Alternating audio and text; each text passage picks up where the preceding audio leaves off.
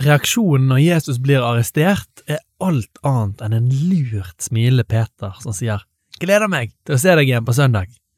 Det er ingen forhåpninger, men fortvilelse. Ingen glede, bare gru. Disiplet flykter i frykt for å miste sine egne liv. I denne podkastserien undersøker vi det Jørn Lier Horst har kalt historiens største cold case, nemlig Jesu oppstandelse. Serien består av ti episoder, og det er Tro og Medier og Damaris Norge som står for produksjonen. Sjekk ut oppstandelsen.no for flere ressurser om dette temaet.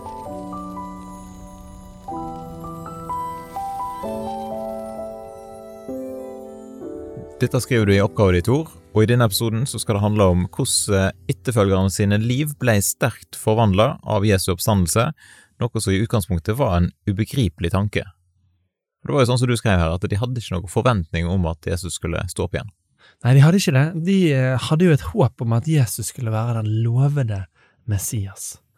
Og det trodde de, som eh, andre jøder på denne tiden, at innebar å kaste romerne ut og eh, etablere Davids trone igjen, at denne Messias skulle bli den nye kongeskikkelsen som både jøder og hedninger skulle tilbe. da. Siden Israel var erobret og under Romerriket. Hvordan passet da de forventningene sammen med det som skjedde med Jesus? Nei, de forventningene må jo ha blitt knust når Jesus ble korsfestet. Og da får på en måte disse religiøse lederne får på en måte beviset på at Jesus ikke var den som han sa at han var, ved at han blir korsfestet. For i Det gamle testamentet, i Toraen, så står det at forbannet er verden som henger på et tre. Så, så det er vanskelig for oss å forestille oss hvor knusende Jesu død må ha vært. Ikke bare mistet de sin nære venn, som de helt klart hadde fått et veldig, veldig nært forhold til i løpet av de tre årene, men de mistet også alt håp om at han var denne lovede Messiasen. Du har et sitat til i oppgaven din av en som heter Bart Ehrmann. Hvem er han? Ja, Bart Ehrman han er en teolog og historiker som har jobbet mye med den historiske Jesus, og som har skrevet eh, noe ganske tydelig om hvor knusende og hvor lite Jesus lever opp til Messias-forventningene med hans korsfestelse og død. Du må si litt hva er det han skriver. Han skriver at uh, ancient Jews had no expectation that the future Messiah would die and rise from the dead. Whatever specific idea any Jew had about the Messiah, what they all thought was that he would be a figure of grandeur and power, who would be a mighty ruler of Israel. Så det var, det var forventningene til Messias. da. Han skulle være Davids sønn. Og det ser vi også i påsken, når Jesus kommer ridende inn på dette eselet, at folk roper og har store forhåpninger. Hosiana! Velsignet være Han som kommer i Herrens navn. Davids sønn. De håper at han er den lovede Messiasen som skal fri de ut, ikke fra syndens makt, men fra romernes makt. Ikke fra dødens makt, men jo fra egentlig det som de opplever som døden, da, Romerriket. Og det vi ser også når vi leser evangeliene, at ofte så har vi dette litt merkelige utsagnet fra Jesus om ikke fortell om dette her. Undergjerninger og det som hadde skjedd. Og det som nok ligger bak her, er at, at før Jesu døde oppstandelse, så ville en misforstått dette og trodd at ja, men han, her har vi allikevel en som, som nok er den Messias som skal, skal drive ut romerne, ikke sant, han har jo sånn makt.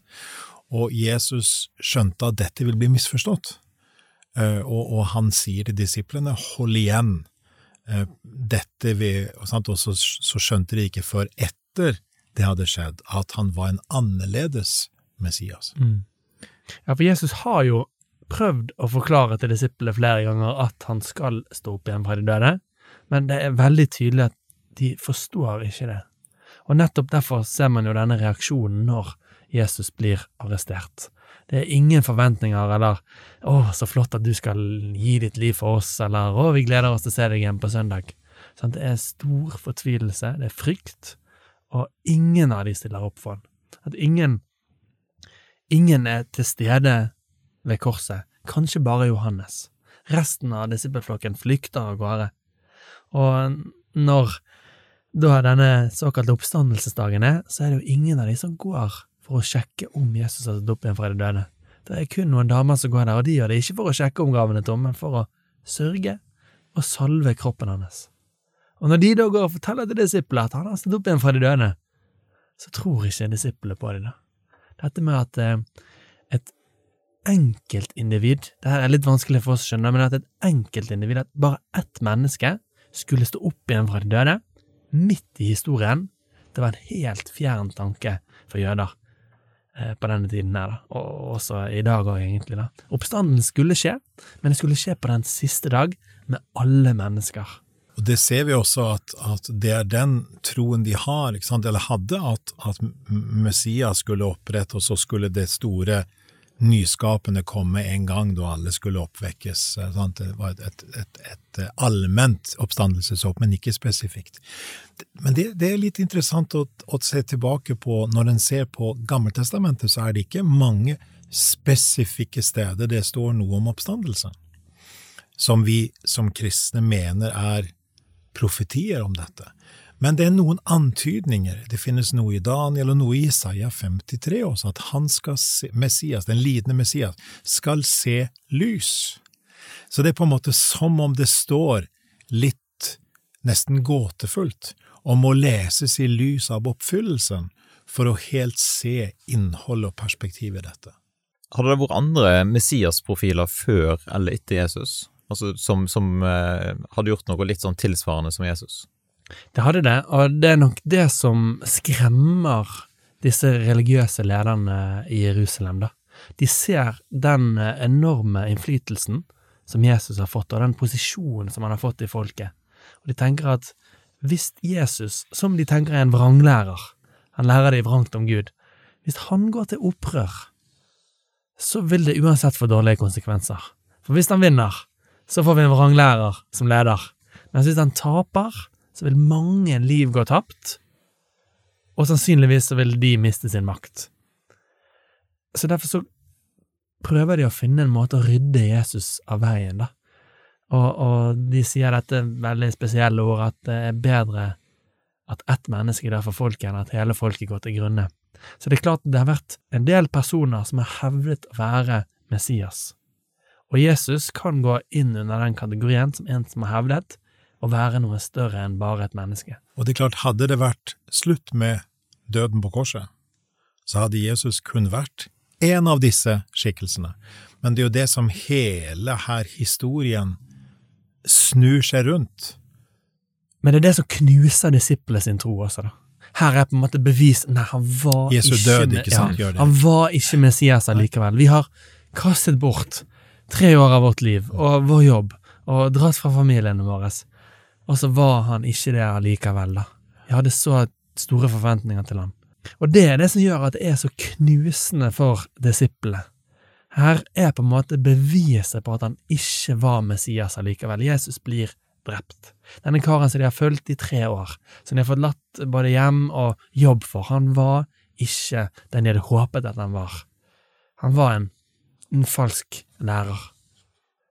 Det er det som gjør at eh, det er en, at det er en utenkelig tanke, dette med oppstandelsen. Og da ser vi jo at når vi snakker om at dette er et faktum, og denne episodens fokus på, på at de livene ble for, forvandla, forandra, så er det jo akkurat fra denne posisjonen av fullstendig oppgitthet, fortvilelse, frykt, og det er det at de blir ikke værende i det, men det skjer noe som snur hele situasjonen for dem. Altså Basert på den jødiske tankegangen fra denne tiden, og reaksjonen til disiplene og etterfølgerne, så vet vi at det var en utenkelig tanke at Jesus skulle stå opp igjen fra de døde. Det var ikke noe som de forventet i det hele tatt, og derfor er de knuste og, og vet ikke hva de skal gjøre når Jesus dør. Men måten disiplene blir framstilt som feige og de svikter Jesus, i Jesus sin viktigste time, kanskje, de framstår som dumme og forvirra. Hva sier det om troverdigheten til evangeliene som tar det med?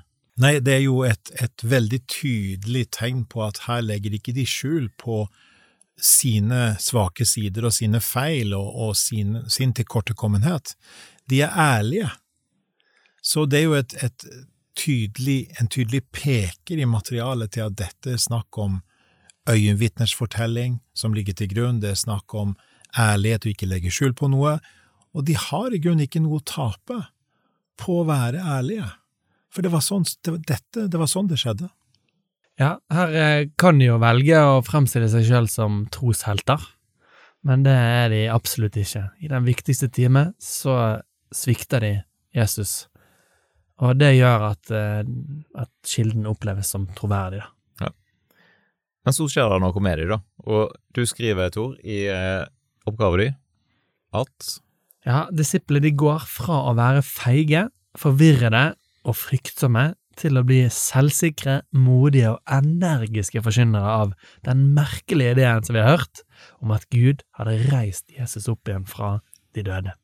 Hva er det som kan forklare den endringen? Ja, hva er det som gjør at eh, de går fra fortvilelse til superglede, om mange sier det, da? Det er jo nettopp disse visningene med Jesus, da, som vi snakket om i Fakta 3, 4 og fem, da.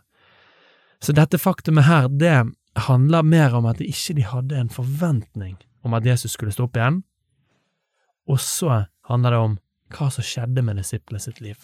For da går de nettopp fra forvirrede, tvilere, til å bli dødssikker, bokstavelig talt, da. Der de i stor forfølgelse, men med stor glede også, bruker resten av sine liv på å fortelle om at Jesus har stått opp igjen fra de døde. Der mange av de som vi snakket om i forrige episode, faktisk også går i døden. Så sikre er de, da. Og Vi tenker jo i dag at eh, ja, men det er mange som går i døden for det de tror. Men det som er så annerledes på en måte med disiplene og, og Jakob, er at de er i en helt unik posisjon til å vite om det de går i døden for, stemmer eller ikke. De vet på en måte om det er en løgn, noe de har funnet på som de går i døden for, eller ikke. Mens vi i dag, som dør på en måte for det som skjedde for 2000 år siden, vi er ikke i den samme posisjonen til å vite om det stemmer. Det er det som gjør at den overbevisningen som disiplene hadde, den har vært veldig, veldig sterk. Og det er jo en dramatikk sant, som er enormt stor fra å være helt slått ut i alle betydninger av ordet, på en måte. De, de er fullstendig knust til å bli en frimodig gjeng som snur verden opp ned. Og det som forklarer dette, at kirken vokser frem, simpelthen, det er, må være et eller annet sånt. Og hva er det for noe? Jo, alt peker på, i materialet her, at det var Jesu oppstandelse som gjorde den store forskjellen. Når han viste seg uh, å, å, være sant? Oppstandelsen får en betydning her. Det, det, er for det første noe som skjer. Det er altså det er ikke bare en drøm, det er ikke bare en visjon, de er overbevist om at dette har faktisk skjedd fysisk, i tid og rom, sant, in space and time, samtidig som da de forstår at dette har en betydning, så de begynner å forstå og fortolke det som har skjedd med Jesu liv, det de ikke før kunne fortelle om, eh, ser de i lys av oppstandelsen. De begynner å forstå at Jesu død, ja, det var ikke en martyrdød eller den, det, store, det store forbildet sin død eller det mislykkede Messias sin død. Tvert imot var det en død som hadde betydning for de. Uh, og vi har jo sett at allerede, sant, noen få år etter at um, disse Jesu døde oppstandelse skjedde, så, så, sies dette Jesus døde for våre synder etter Skriftene. Og Det er altså noe som Paulus har tatt imot fra disiplene i Jerusalem, som var deres budskap. Mm. Så vi ser det er en revolusjon i deres liv, og i neste omgang revolusjonerer de verden. Ja, for troen på oppstandelsen forandret på en måte alt for dem, da. Det var Jesus Herre og Messias og Guds sønn allikevel. Og Da forstår jeg at hans død det var en soning og et offer etter Guds plan. Altså, det var en mening med det. Og det snur perspektivene for dem ikke sant? fullstendig her. Og, og derfor ser vi at, at, det faktum at kirken vokser frem fra de første disiplene som øyenvitner, og det de leverer videre til, og så videre og videre, ja, hvordan kan vi egentlig forklare det hvis Jesu død var det siste? Det er veldig vanskelig å forklare. Og Derfor er dette faktumet viktig, for det binder sammen det som skjedde med Jesus, og det som skjer med den kristne kirke. Det er på en måte bindeleddet mellom dette. Da har vi sett på seks eh, historiske fakta, og nå i neste episode skal vi se litt på hva er den beste forklaringen på det som skjedde. Vil du utforske kristen tro? Da anbefaler vi at du sjekker ut nettkurser som du finner på kurs.omgud.nett. Og de er selvfølgelig helt gratis. I podkasten har du hørt Tor Håvik, prosjektprest i Bjørgvin bispedømme. Lars Dale, førsteamanuensis i teologi, religion og filosofi ved NLA-høgskolen Gimlekollen. Og Kjetil Fyllingen, leder for omgud.nett i tro og medier.